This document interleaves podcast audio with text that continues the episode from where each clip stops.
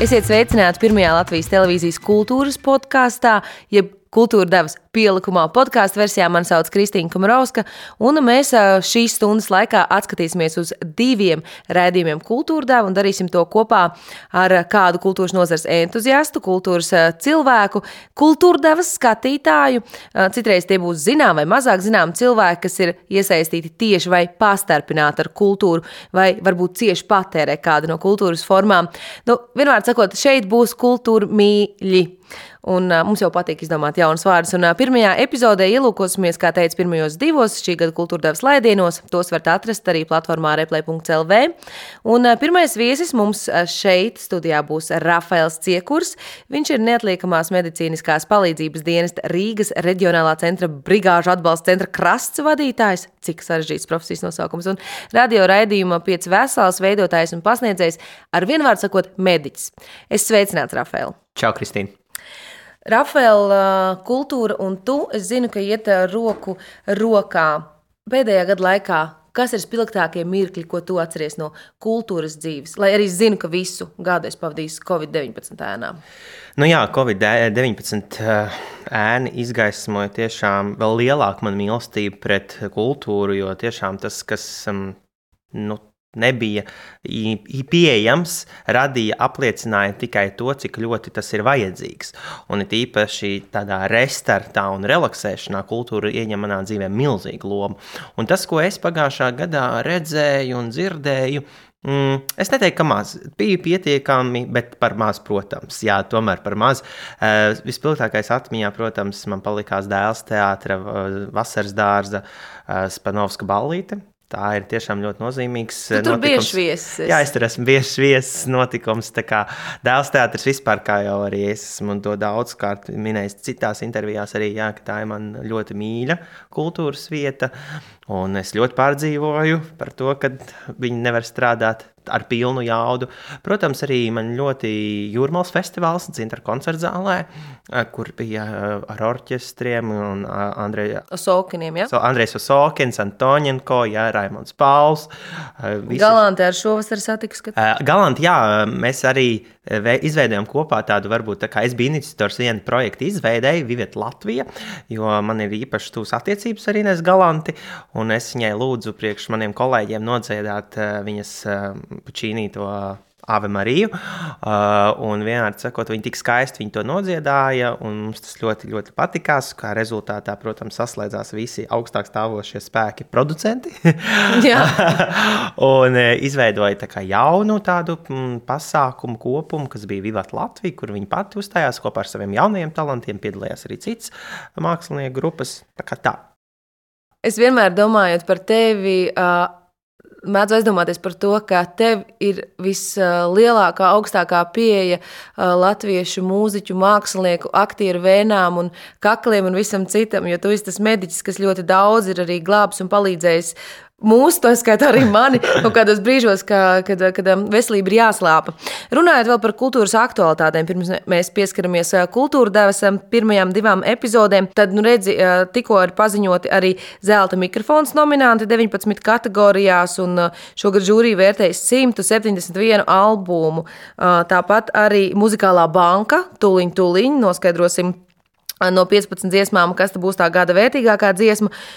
Un, jā, arī Latvijas kultūras balva Boņuks. Tur ar vairāk kā 120 pieteikumu. Nu, skatos, ka kultūra, ja skatās uz visu šo kultūru, ir notikusi. Arī mēs piedzīvojam spēļu nakti, kur tiešām daudz izcilu veikumu, nedaudz citādāk. Ko tu domā, kāpēc tas tā ir, ka kultūra nav zaudējusi savu, teiksim, nu, kultūras darbinieki nav kļuvuši mazāk produktīvi? Nu, redz, mēs spējam pielāgoties. Tā jau ir tā cilvēka, ne tikai cilvēka, bet vispār dabas spēja, unikal, unikalitāte. Tas, ka viņi spēj pielāgoties katram laikmetam un katrām prasībām. Protams, ka daudziem nācās pārorganizēt to savu piedāvājumu, to savu mākslas veidu, to kaut vai vairs nespēlēt uz teātriem, bet spēlēt uz teātriem bez skatītājiem, bet ar, piemēram, ar tiešsaites kamerām. Jo tostarp arī mēs, kolēģi, būdami šogad 31. decembrī strādājot brigādē izrādē. Man bija uz dzimšanas dienu uzdāvināta tiešsaistes koncerts, no vecgada koncerts no Latvijas Nacionālās operas. Tad mēs paņēmām arī šo te. Uh, projektoru. Kopā no vienreiz lietojamiem medicīnas palagiem izveidojām šo ekrānu. Mēs paralēli starp izsaukumiem, tā kā bija kaut kāds mazais brīvbrītiņš, tad mēs to vecgadu koncertu noskatījāmies. Un tas jau ir tā, kā jau es saku, tā ir tā pielāgošanās spēja. Un paskatieties, varēja ražot, taču nebija jānodarbojas. Nu, varēja tieši nu, radoši izpausties. Raža, jā, raža, masī, raža, raža. Masīvs, jā. Mas, masīvi saražota ļoti daudz mūzikas, ļoti daudz albumu. Protams, jā, cieši mums teātris izrādes, cieši mums klātienes notikumi. Bet jāprasa godīgi, vai tu skaties kultūra devu? Protams, es Tiešām. protams, skatos um, jau no pirmsākumiem, vēl kad Mārtiņš Čibils vadīja šo raidījumu. Un, uh, protams, skatos uh, vienmēr, un es tev arī kādreiz uzrakstu, kas man patika, kas man nepatika. Varbūt. Šī gada pirmajā epizodē viesos bija maistro Raimons Pauls, kas neapšaubām ir šī mēneša aprunātākais, jeb apsveiktākais kultūras industrijas cilvēks. Viņš studijā bija kopā arī ar Māru Brieškalnu, džēzu bunzinieku un producentu. Uh, kas tev palika atmiņā no sāra? Sarunas studijā ar Raimonu Paulu. Man ļoti patīkās, kā, viņa, kā viņš runāja un stāstīja par saviem skolotājiem. Jo, nu, sen, nu, saprotam, ka Raimons Pauls ir diezgan sena būtne, bet viņš vēl aizrunājās uh, par Vigneru, uh, kurš bija arī viņa skolotājs, profesors, ka viņš ir bijis tas diktators, kurš ir noteicis visu to, to muzikālo dzīvi tajā laikā, un kā viņš sot, uh, tur Tur studenti viņam ir teikusi, ka viņš eh, novirzot būs Ellē, un ka viņš ir atbildējis, ka Raimons Pauls jau būs priekšā ar klavierēm. klavierē viņu sagaidīšot. Ja? Nu, tādi tie, nu, tie nu, Raimonda Paulam jau arī tas katru reizi jau tā dzimšanas dienas ir īpaši tik nozīmīgos svētkos, jau ir kaut kāds atskats uz viņa paveikto un to kopdarbu, to ieguldījumu vispār. Es negribētu teikt Latvijas, bet visas pasaules kā, muzikālajā devumā un to pašu, cik viņš ļoti entuziastiski stāsta par to savu kaislību džesu. Jā. Ja?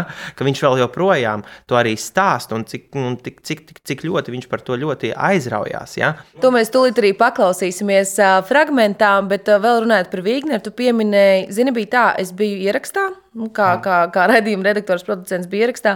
Un uh, Pauls uh, kaut kādā brīdī pateica, ka viņš negrib vairs runāt par Vigneru, jo viņam nav labas lietas, ko par viņu pateikt. Protams, par viņu profesionālo būtību un būtni, jā. Mhm. Bet tā, jā, tur ir arī kaut kādas citas dzīves, ģimenes ainiņas bijušas, par kurām viņš negribēja runāt. Un tas bija tāds fakts. Un vēl viena lieta, ko es varu pastāstīt no aizkulisēm, nu, to, ko neredz arī skatītāji. Tāpēc arī šis podkāsts, ka, ka atnāca Raimons Pauls. Um, Tas bija vienmēr ļoti humorpilns un, un, un, un, un, uh, un nedaudz nobežījies, jo nākamajā dienā bija gaidām viņa filmas pirmizrāde, ko veidojas Henrieta Verhofstadta. Viņš bija arī nobežījies, tāpēc, ka viņš kavēja mēģinājumu, jo tajā viņam vispār nepatīk nākt uz kaut kādām intervijām, tērēt laiku kādās liekās sarunās, visu, ko viņš grib, dodiet man, man flīģeli, grib spēlēt, un tur viņš arī dzīvo. Un viņš, jā, un, un, un tā bija epizode, kur mums bija tas noteikums, ja mēs atrodamies ilgāk kopā kā 15 minūtes, mums jālieto ir sejas aizsargu maskas vai šie vizieri. Un tad, tad jā, man uz viņa brillēm nācās likt to vizieru. Un, zini, piedod, nu, es nezinu, piedod, es mediķis, bet viņš ir pilnīgs tāds. Nu, viņš grib dzīvot, viņam tas covid, nu, tā kā nu, skaidrs, ka, skaidrs, ka mēs visi nomirsim, bet viņš nav tas, kurš baigi uztraucās, un mani tas biedē. Un es, un es domāju, Palkungs, nu, tā kā jums sevi jāsargā. Un viņš, un viņš, nu, es negribu teikt, ko viņš teica, bet es negribu aicināt visiem aiziet Paula loģikā. Bet, uh, Labi, ko mēs runāsim daudz par to. Paklausīsimies, ko Raimons Pauls teica Henrietai studijā. Kas ir tas, kas jums liek radīt joprojām?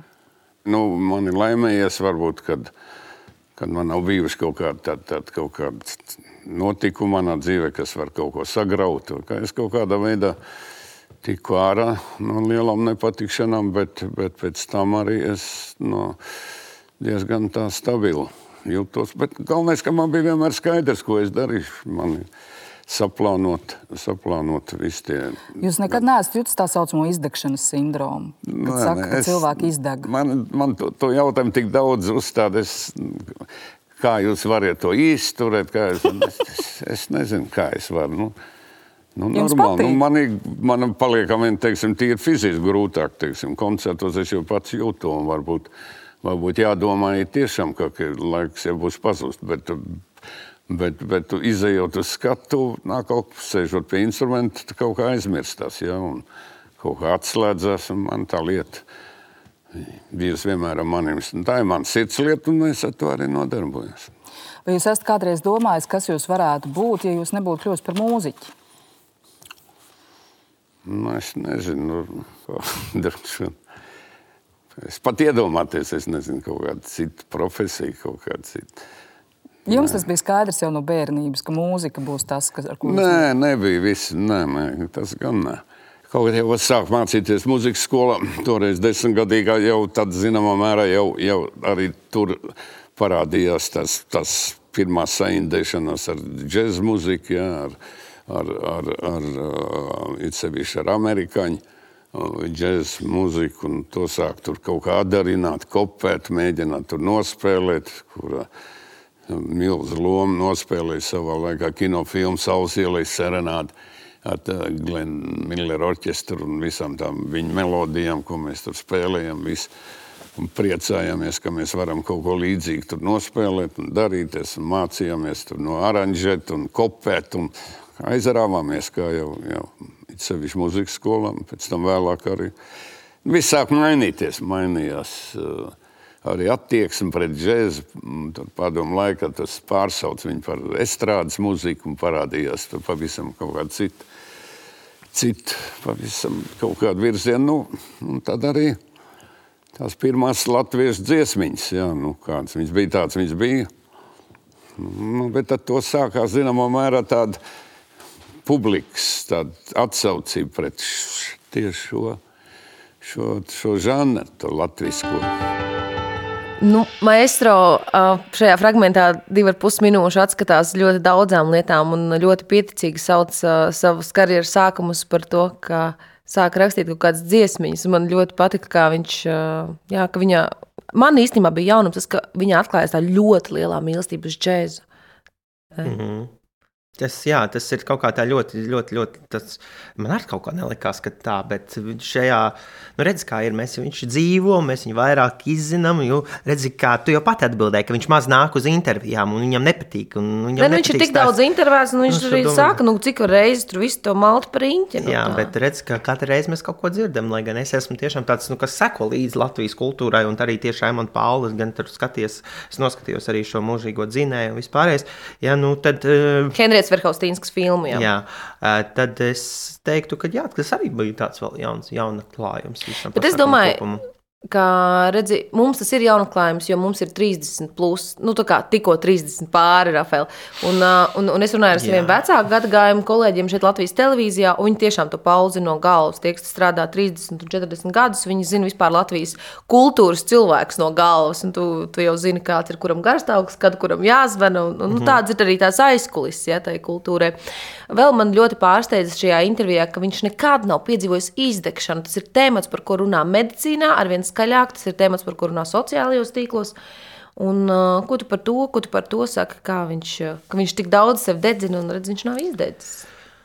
Nu, zaļo enerģiju ražo pats uh, daudz strādājot, viņš dod atkal to pašu enerģiju sev. Nu, tur es kaut kur sev, sev, sev, pats ar sevi redzu līdzības, jo man nu, izdegšana, man, man var viss nokaitināt, man var viss besīt, bet es vienkārši varu norestartēties un aiziet uz priekšu. Nu, tad man liekas, ka vajag vienkārši darīt. Jo vairāk dara, iet uz priekšu.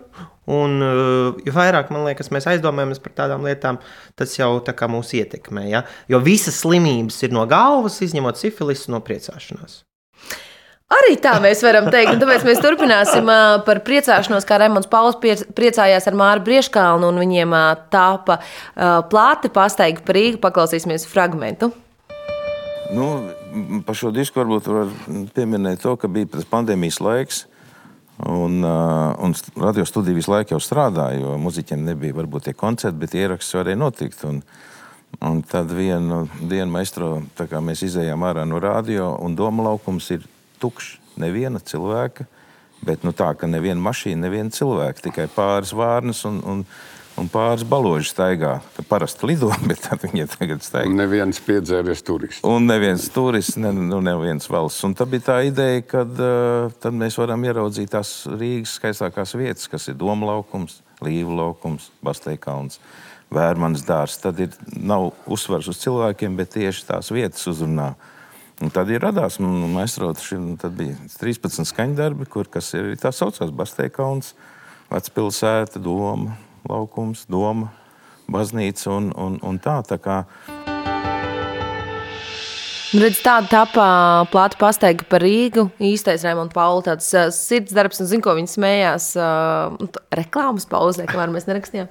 Viņa teica, ka Vispār vajag uztaisīt tā nākamo albumu, viņa rakstīt džēziņu par kalniem, par Bastēju kalnu, Zegušu kalnu, vēl visādiem kalniem Rīgā. Tā kā viņi vajag humoru pilnī tādu. Tas nu, dzīves humors, un viņi spēja vēl priecāties, un viņi neredz tikai visu melno.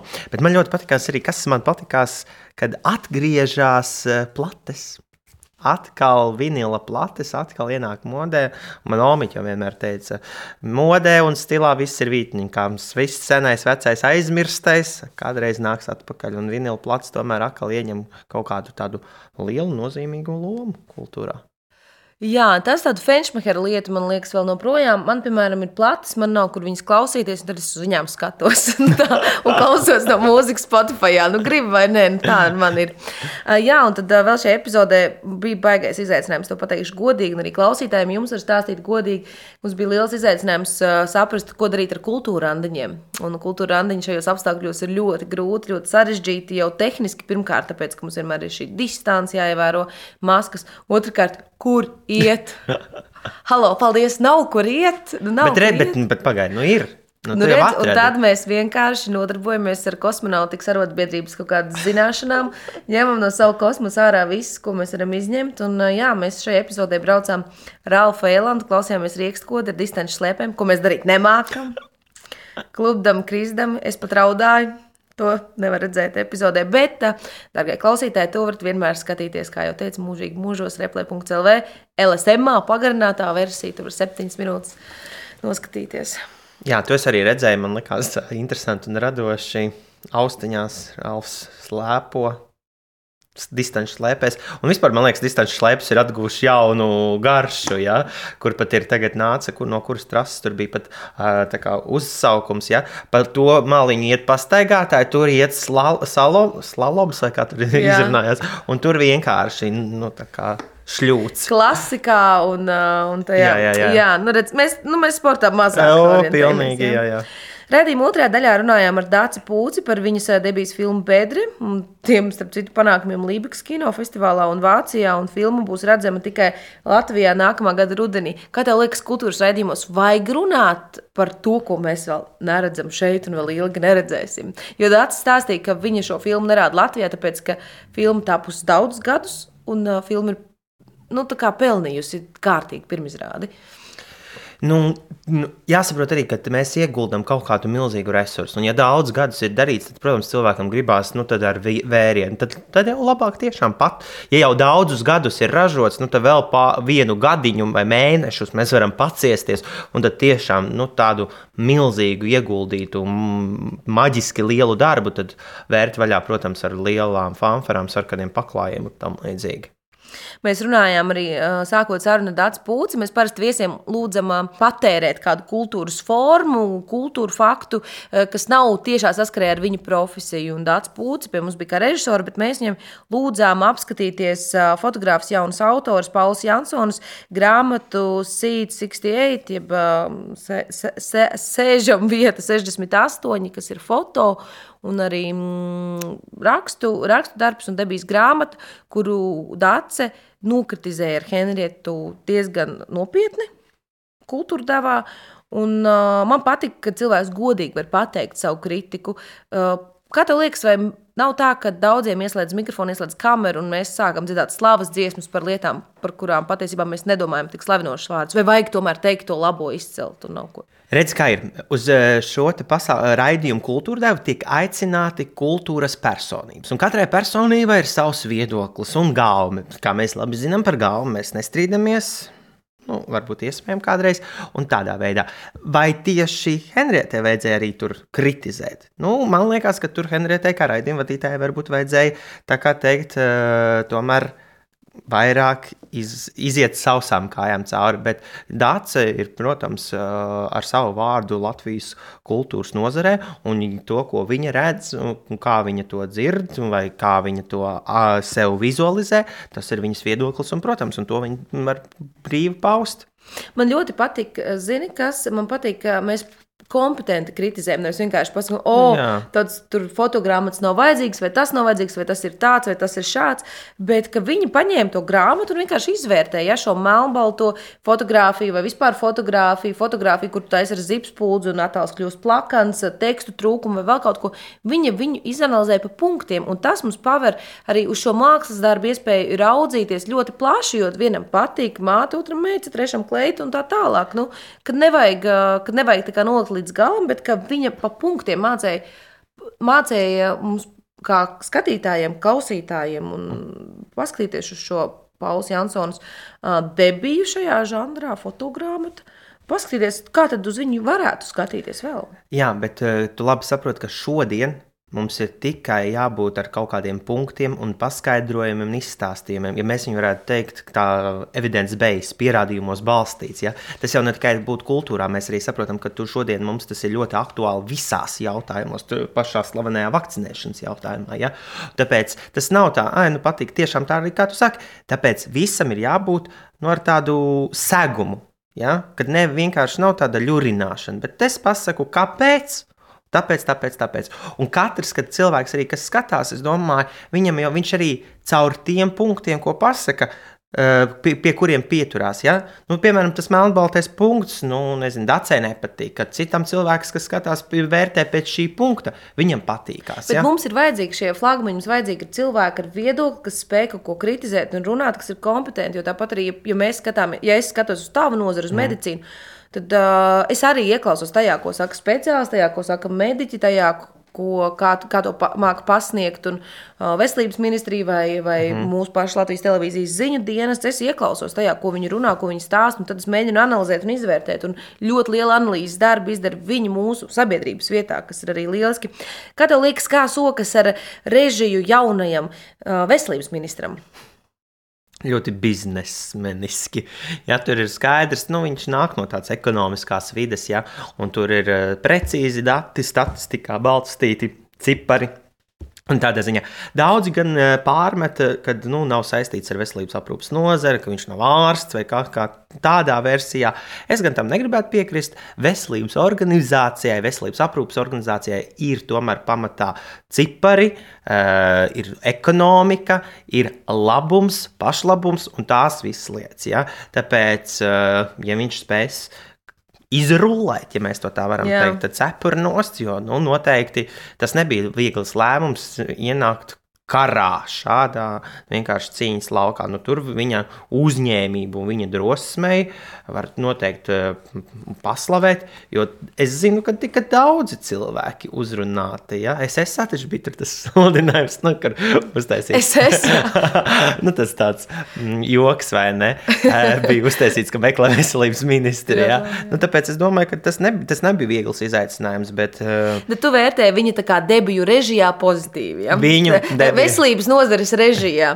Nu, jā, par kino režiju un kas ir režisors, kultūra devā izteicās arī Dārts Pūcis. Klausāmies! Mācieties profesijas, jebkuras, tikai ne šo, jo kino režisors tā ir profesiju summa. Tev jāorientējās ļoti daudzās muzikā, tēlotāju mākslā, Operatoru mākslā. Operatoru. Tev jā, jānofilmē kaut kas, vismaz mūzikas klips, ko esmu darījusi. Tā kā fotografijā jāorientējās, tekstā aktiermeistarībā, stilos dažādos, tev mākslās jāorientējas, lai, jo tas viss tev jāvada gal galā.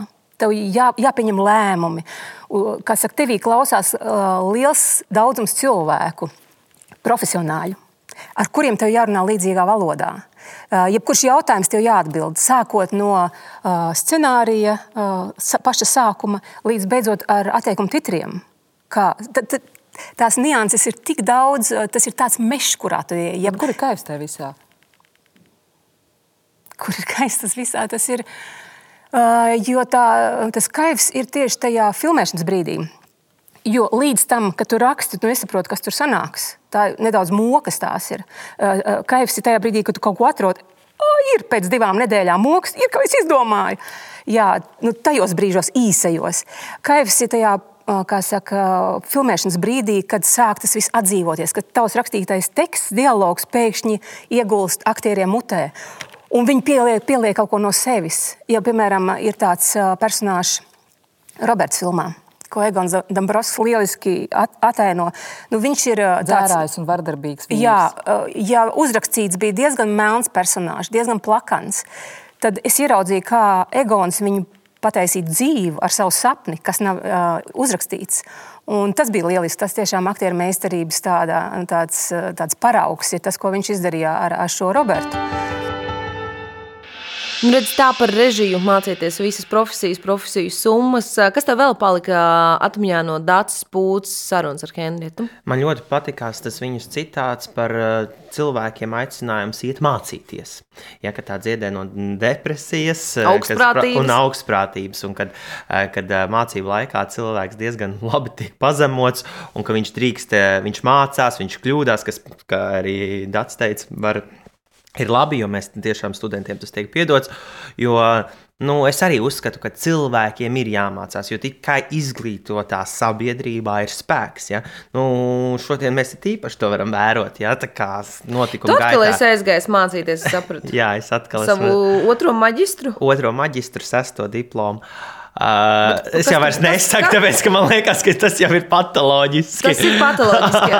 Tu kā mediķis pats uzstādījis jau diagnozi, malacis. bet, uh, bet uh, man vienkārši nokaitināja dažādi vadībā kaut kādi cilvēki. Un, jā, un es vienkārši, es domāju, Domāju, es iešu mācīties, es, un tad es jūs pārmācīšu. Nē, es vienkārši gribu, tāpēc, ka es sapratu, ka man ir, nav, nav pietiekams zināšanas, nu, un es domāju, laiks ir, un es tāpēc eju mācīties. Bet vispār, zin, kā kā ir. Mm, es vienmēr esmu baidījies par to, ka demence var atņemt visu. Ja? Nu, kad ir vecuma marazms, ja? ka tu esi samācījies, un ka kā, nu, pēkšņi tu vienkārši paliec dements, tev uznāk tā vecuma plānprātība, un tu vienkārši visu tavus ieguldījumus, sešu diplomu vienkārši kaķim zem astes.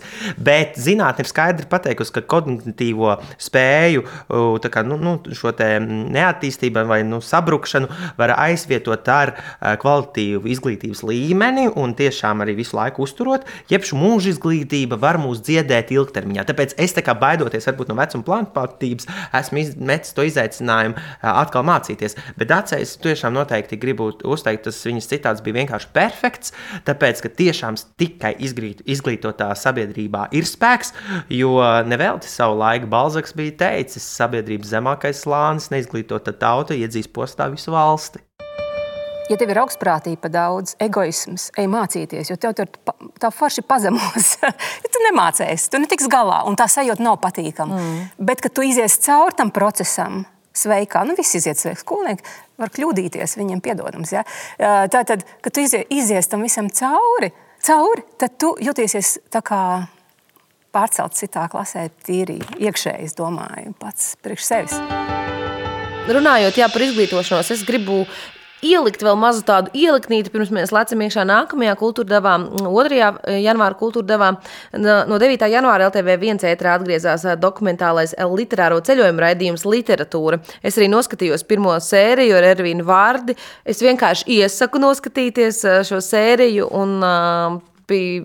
Vai tu esi redzējis? Nē, es nepaspēju, es biju tieši dežūrās, un man bija pacienti daudz darba, un es kaut kā parasti uzlieku, ja tāds mierīgāks periodiņš, nekad nesanāk tiem mierīgiem periodiem daudz. Bet eh, es noteikti noskatīšos, lai gan, nu, jāsaka, no literatūras un tādām kultūras nozarītēm man tas tāds Visa, man patīk. Visaugstākās attiecības. Eh, nu, tāds augstas, Kas ir pēdējā jā. grāmata, ko tu izlasīji? Pirms mēs turpinām, varbūt mums jābeidz. nē, nē, nē, nē nu, noteikti. Man bija, es biju vienā brīdī tā uzkritis, var teikt, jā, uz Māras zālītes pieciem pirkstiem. Jā, uh, nu, protams, no Rīgstena mātes piens. Jā, es pēc tam gan nu, redz, tik ļauni ar tevi nav. Nē, nu, bet es tomēr uzskatu, ka vajadzētu vairāk. Jā? Bet šeit ir vienkārši tāds ļoti, ļoti izteikts laika trūkums, jo parasti grāmatas es izlasu tad, kad es dodos atpūtā, kaut kur uz ārzemēm, uz kādu siltu zemi, sauļojieties, un tad es pievēršos grāmatām, tad es varu izlasīt kaut ko tādu. Vienkārši tagad atvaļinājumu nav, saules nav, tāpēc es tā kā grāmatām esmu devis pišķiņu attēlpu. Jā, mēs esam arī pārbraukuši uz nākamo rādījumu. Man gribētos paturpināt mūsu sarunu ar, ar, ar grāmatas kalendārs. Mani sauc autoru, kas viesojās studijā. Un jāsaka, godīgi, es pirms dažām naktīm veltīju nakti un pabeidzu grāmatu, par kuru ļoti daudz runā visi un viss kaut kur. Un tik tiešām no manas puses visiltākie ieteikumi man ļoti pārsteidza šī šis, nu jau jāsaka, jaunā kulta romāna uh, saturs uh, par, uh, par, par, um, par Oskaru varoni šīs grāmatas, kas sauc sevi par kalendāru un iemācīs visu kalendāru no galvas un ir nedaudz par pabērniem. Un, pirms mēs turpinām sarunu par lasīšanu, dosimies atpakaļ uz kultūrdevas studiju. Tur viesos ir orbītas pārstāvis Dzienieks Artūrs Punte un kalendārs mani sauc autors Andris Kalnozols. Henrieta, vārds tev! Kā jūs izjūtat šodienas Latvijas dzīslu telpu? Kāda tā ir? Man ir liels mm, prieks, ka, ka atkal ir tāda dzinieku grupa, kopa, ko varētu nosaukt par jaunajiem dziniekiem. Ja? Kur, kur, kur ir uh, Lotte Vītiņa, Raimons Čirķis, Lauris uh, Vēps, kur ir, kur ir Kirills Ēcis. Kirills Ēcis, jā, un, un, un, un Marija Luīza Meļķa. Nu, tā kā pasaka jaunie dzinieki, un man uzreiz ir skaidrs, mm. par, ko, par ko ir runa. Jo kaut kad pirms gadiem, nu jau 11, ļoti ilgi par jaunajiem dziniekiem, sakot, jauno dzinieku, domāja Kārlis Vērdiņš, Agnese Krivade, Marts Pujāts. Kaut gan viņiem jau bija tuvu 30. Viņi ļoti ilgi skaitījās jaunie dzinieki, jo kaut kā nebija nākusi tāda paudze, kas viņus kā, noslaucītu uz, uz nākamo sēkli. Dzīves telpas neatņemama sastāvdaļa ir arī orbīta, kurā tu darbojies ar to. Un, un jūs īstenībā līdz šim, kā izdevēji, bija vairāk, bijāt vairāk pievērsušies dzējai tieši un fotogrāmatām. Un, un tagad mums lūk, debija prozā, Andra Kalnozola grāmata. Kāpēc? Es teiktu, ka mēs bijām vairāk pievērsušies sev pirms tam. Tāpēc varbūt bija vairāk dzējas. Un tikai ik pa brīdi sākam veidot kaut kādas sērijas, kur būtu citi autori. Pagājušais gads bija laikam, visražīgākais, iznāca vesels septiņas grāmatas. Šī grāmata bija milzīgs pārsteigums no, tāda, no tādas pirmās reakcijas, domāju, grāmatu tirgotāja reakcijas kas ir kaunozols. Līdz tādai vediet mums vēl, vēl atvediet steidzami. Tiešām tā slava izpošās ļoti strauji un cilvēki prasa. Un, jā. Kur nu vēl lielāks kompliments, vai ne? Gan izdevniecībai, gan autoram. Atbraukt tagad no tālsiem uz Rīgu, paklausīties komplimentus arī forši. arī forši. Tā tad uh, Oskara, kas grāmatā saukts par kalendāru gaitas, norit talsos. Tā ir tā prototyps šai Oskara pilsētai. Nu, Karte ir tāda pamatīgi samaisīta tālus karte. Ja, piemēram, ir tā, ka Oskars dzīvo mājā, kurā dzīvoju pagaidām arī es talsos, bet skats pa logu savukārt ir tāds, kāds viņš bija no manas bērnības, no cita dzīvokļa. Grāmata ir rakstīta dienas grāmatas formā. To raksta kāds puisis, kurš pats sevi sauc par milzi ar slimiem nerviem, bet kuram, kā tu teici vienā intervijā, acīm redzot, ir autiskā spektra mm -hmm. traucējumi. Viņš raksta savā saudabīgajā valodā, viņam gadās dažni dažādi piedzīvojumi, un jāsaka, ka šīs grāmatas uh, varoņi lielākoties ir tie, ko ko savulaik latviešu literatūrā sauc par dzīves pabērniem. Tie ir veci cilvēki, vientuļi cilvēki. Kāpēc šāda izvēle? Kāpēc tieši viņi? Man šo jautājumu uzdeva mana vēstures un filozofijas skolotāja Antra Grūba Talsos un pat ļoti precīzi atbildēja, kamēr es domāju, kāpēc. Gan, viņa teica, tev droši vien vienkārši pielaida tiem cilvēkiem. Jā, noteikti iesaku vēlreiz uh, izlasīt kalendārs man sauc, un vispār pasakot līdzi orbītas izdevumiem tiešām ir vērts, ne tikai lielajām grāmatnīcām un grāmatu izdevējiem. Un jā, jaunie dzinieki no tiesas, vai ne? Uh, vai tu uh, dzirdēji un redzēji sižetu ar Džemu Sudrabu komiķu raidījumā, kur mēs lasījām uh, Lotas Vilmas Vītiņas grāmatu meitene? Tur, kur jūs tur sniega virsceļā, jā. jā, jā, to es sižeti, jā, redzēju, un arī tas klausījos. Tā. Man liekas, tāds ārpēc cik neracionāli izmantots papīrs, kur tur vienā atvērumā tik liela balta lapa un augšā trīs, četras rindiņas, kur trīs vārds. Jā, to es sižeti redzēju. Jā. Vēl uh, raidījumā kultūra dēvam, uh, kur uh, otrā raidījuma kultūra devas redaktors Kaspars Zaviļējskis veidoja, mēs runājam par barikādēm, jo barikādēm tik tiešām 30 gadi. Uh, tikpat, cik mums ar tevi. Un, uh, mēs šo laiku neatceramies. Mēs šajā laikā dzimām. Mums ir tikai nostāsti no vecākiem, mums ir Latvijas televīzijas dokumentālo filmu arhīvs. Katru gadu mēs ļoti daudz to visu redzam, un arī kultūra devām. Mēs par to runājām, un studijā bija Jura Podnieka studijas vadītāja, režisora un producente Andra Cilīnska, kas atminējās dramatiskos 1991. gada janvāra notikumus un filmēšanu un uzsvēra to brīdi notikušā nozīmību arī mūsdienās un nākotnē, bet režisora Anna Vidulēja ļoti emocionāli pauda esenciālas atziņas par jūra podnieka darbības būtību un asāto mantojumu. Viņas arī runāja par filmu podnieks, par podnieku tapšanu. Vai Kādas ir tās tavas sajūtas par uh, barikādēm? Redzi, tu pieminēji par to, ka mums ir tikai vecmāmiņas stāstījums un pieejamiem interneta resursi un arī sabiedriskā mēdīja resursi, bet es gribu teikt, ka man ir pieejams vēl sava kolēģu resurss. Tad, kad es atnācu strādāt uz neatliekamo palīdzību, mm, es vēl zinu, vecā paudzē gāju, pie vecajiem gāju, um, nu, stažēties un praksē, jo tad pēkšņi mums bija tāda ļoti strauja paudžu maiņa.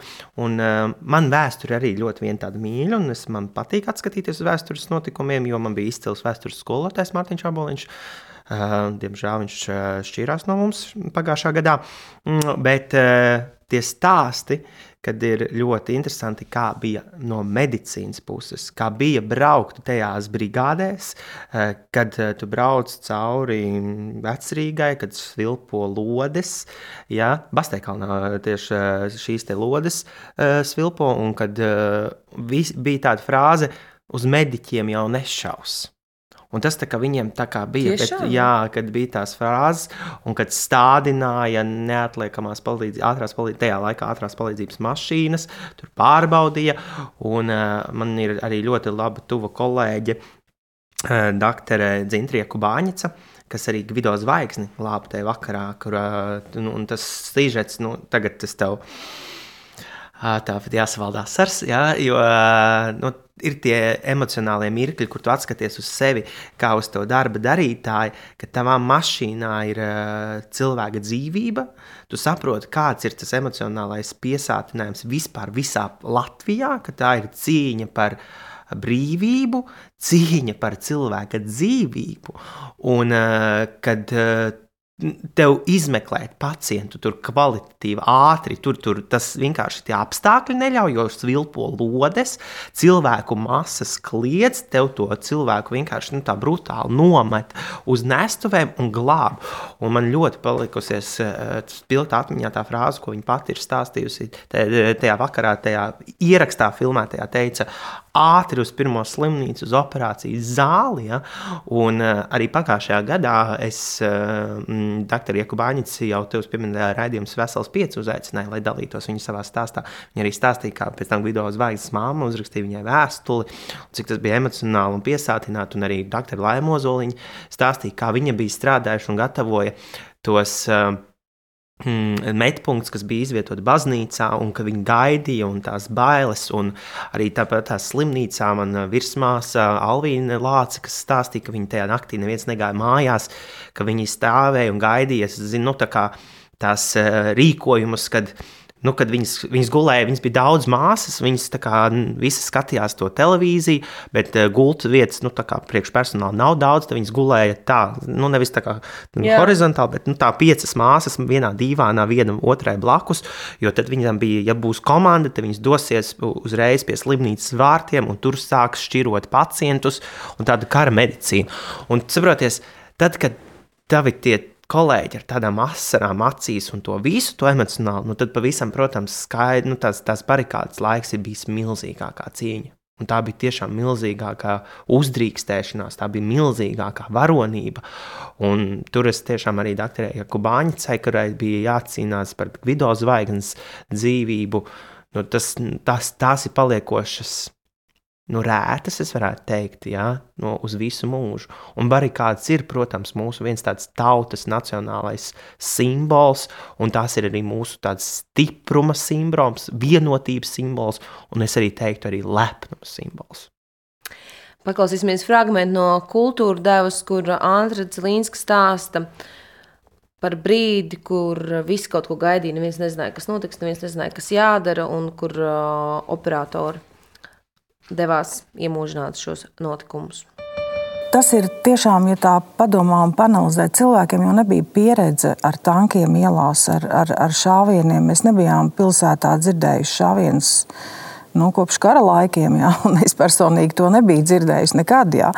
Tad, tad, tad, tad faktiski tā, tā doma kaut ko sargāt un kaut ko gaidīt jā, no kaut kāda nu, spēka, acīm redzot, lielāka. Es domāju, ka tā, tā ir arī tāda nu, diezgan, diezgan liela lieta jā, un grūta lieta jā, un neizskaidrojama lieta. Un līdz ar to, tāpat kā cilvēki barikādēs ārā sēdēja fiziski, tā mēs arī gaidījām, ka mēs nu, filmēsim, skatīsimies visu to, kas notiek. Andrim Slapiņam tajā vakarā nevajadzēja atrasties studijā, jo bija video dežūra kad Jurim piezvanīja un pateica kolēģi no ABC televīzijas, kuri tajā laikā atradās Latvijas viesnīcā, ka sākas šaušana, ja, un arī tieši kā Ilmārs saka, nevar saprast, no kurienes. Ja. Un Juris teica, gaidiet, es iziešu ārā, paskatīties, vai tiešām ir, jo bija ļoti daudz arī viltus trauksmes dažādas. Kamēr Juris gāja skatīties, vai tiešām tā šaušana tur parkā ir, jā, tikmēr, protams, ka visi trakie dokumentālisti paņēmuši ir visas kameras un aizgājuši. Jā.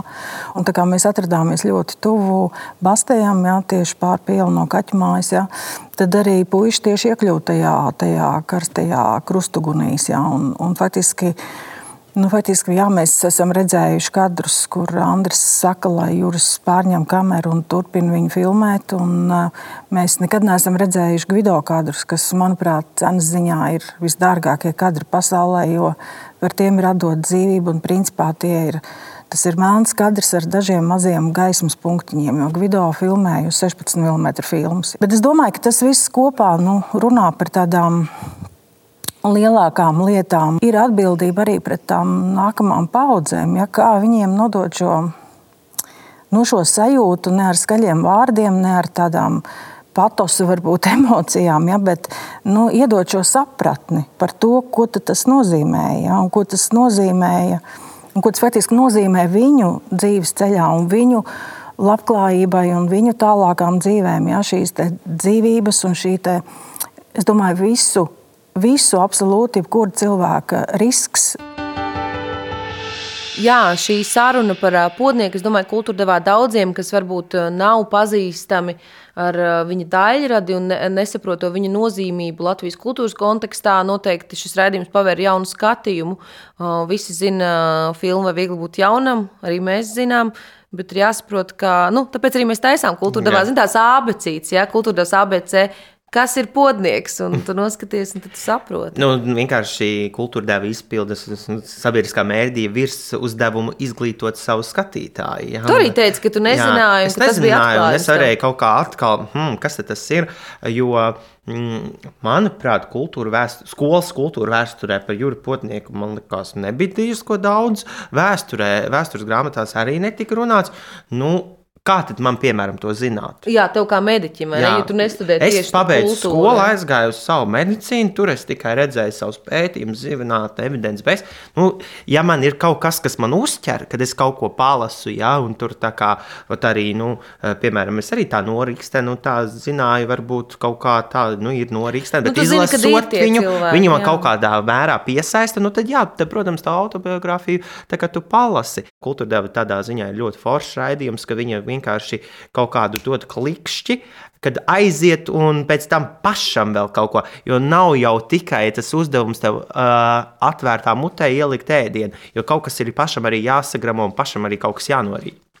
Jā, un paudzes mainās, un visi kultūra fakti, kas zinām paudzei, kas ir vecāka, ir saprotami uztveram mums, jo uh, lai tas kods un kultūra kodols mums ir viens, bet es domāju, ka mums ir atšķirīgi skatījumi uz lietām, to nozīmību un patieso to vērtību, kurus mēs varam novērtēt tikai nu, tad, kad mēs zinām pilnu ainu, un mēs nekad ar tevi nezināsim, kāda ir pilna aina dzīvot Latvijā 88. vai 91. gadā. Tikai mēs varam, ja mums piemīt empātija, mēs varam to izjust, izdzīvot un saprast, ko tas mums visiem nozīmē.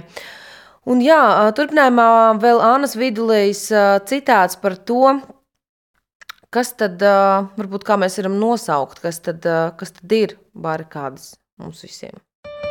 Es vakar privātā sarunā savam draugam Arnim Rītupam, filozofam, jautāju, ko, kā viņš formulētu barikāžu laiku. Un viņš teica, ka tā kopības sajūta, kad vīri un sievas no visas Latvijas bija sabraukuši. Un sajūta nevis tādā nozīmē, kā gaistošs eh, fenomens, bet sajūta tajā nozīmē, ka to var just. Uh, ir uh, tāda nācijas dzimšanas pieredze. Man šķiet, tas ir ļoti precīzi uh, formulēts. Mm, jo tai mūsu kopienai, kurā mēs šodien dzīvojam, tas pieši, tiešām ir tāds atskaites punkts. Bet par jūra podnieka formulējumu, kuru viņš Andra Slapiņa bērēs saka, vergi šauv, šāva. Un tad viņš atsaucās uz Čaku, kurš, kurš saka, cīņā iet ir brīvu vīru griba cīņā mirt ir brīvu vīru griba. Un, un Jurim likās ļoti būtiski, ka tā, ka tā barikāda patiešām uh, uzskatām rāda, ka vienā pusē ir vergi, un otrā pusē ir brīvības nesēji un brīvi vīri un sievas. Jo Jurim brīvība šķiet bija augstākais kritērijs. Nu, tādas režisoras Annas Vidulējas atmiņas un atstāsts par sarunu ar Arnu Rītupu. Kultūra dziedē, man liekas, arī visos laikos, un tā dokumentē mūsu domas. Un, Mēs ar tevi esam aprunājuši un iedokumentējuši pirmos šī gada, 2021. gada pirmos kultūra dabas raidījumus. Um, Rafael, ko tālāk? Nu, cerēsim, kad mēs varēsim atgriezties šā, šā gada ietveros pie normālas dzīves. Eh, mēs labi zinām, kas mums ir jāizdara. Nu, un es ļoti ceru, kas mums ka, ir jāizdara. Jāvakcinējās. ja? Un es ļoti ceru, to, ka tiešām mēs varēsim ne tikai kultūru uzņemt caur mm, televizoriem, caur tiešsaistēm, jo Es tev teikšu, piemēram, nu, tu labi zini, ka es esmu teātris mīlis, un man kaislība ir, protams, visas izrādes skatīties. E, es jau ne tikai esmu, kā tu man tā smuki nosauc, kā kultūras e, baudītājs un tam līdzīgs. Es jau sevi saucu par kultūras slotu. Ko es gribēju teikt, to, ka mēs ļoti ceram, ka mēs varēsim baudīt klā, kultūru klātienē, jo skatīties kultūru TV ekrānā ir tas pats, kā skatīties uz uguns, kuru bildi ir, bet siltuma nav. Nu, skaisti. Tu nobeidz šo pirmo kultūras epizodi. Mani sauc Kristīna Kamarovska. Man bija liels prieks parunāties ar Rafaelu Ciekuru. Aprunājām uh, raidījumu. Pilnīgi interesanti tas, nu, tas mums sanāca. Un, uh, es atkal aicināšu visiem, ir janvāra vidus, ir uh, mēdz teikt, arī medicīnā es lasīju kaut kādus rakstus, ka šis ir tāds vispār visa gada laikā visdepresīvākais laiks. Es aicinu izmantot dažādas kultūras formas, kas mums ir pieejamas, un patērēt tās neierastos veidos. Iedvesmu meklējiet kultūra randiņos, kultūra randiņus meklējiet replējā. Kultūra devu vienmēr skatieties replējā, savukārt šo podkāstu gaidiet jau pēc divām nedēļām. Būs jauns viesis, citas devas ar kultūru. Tiekamies! Atā! Atā.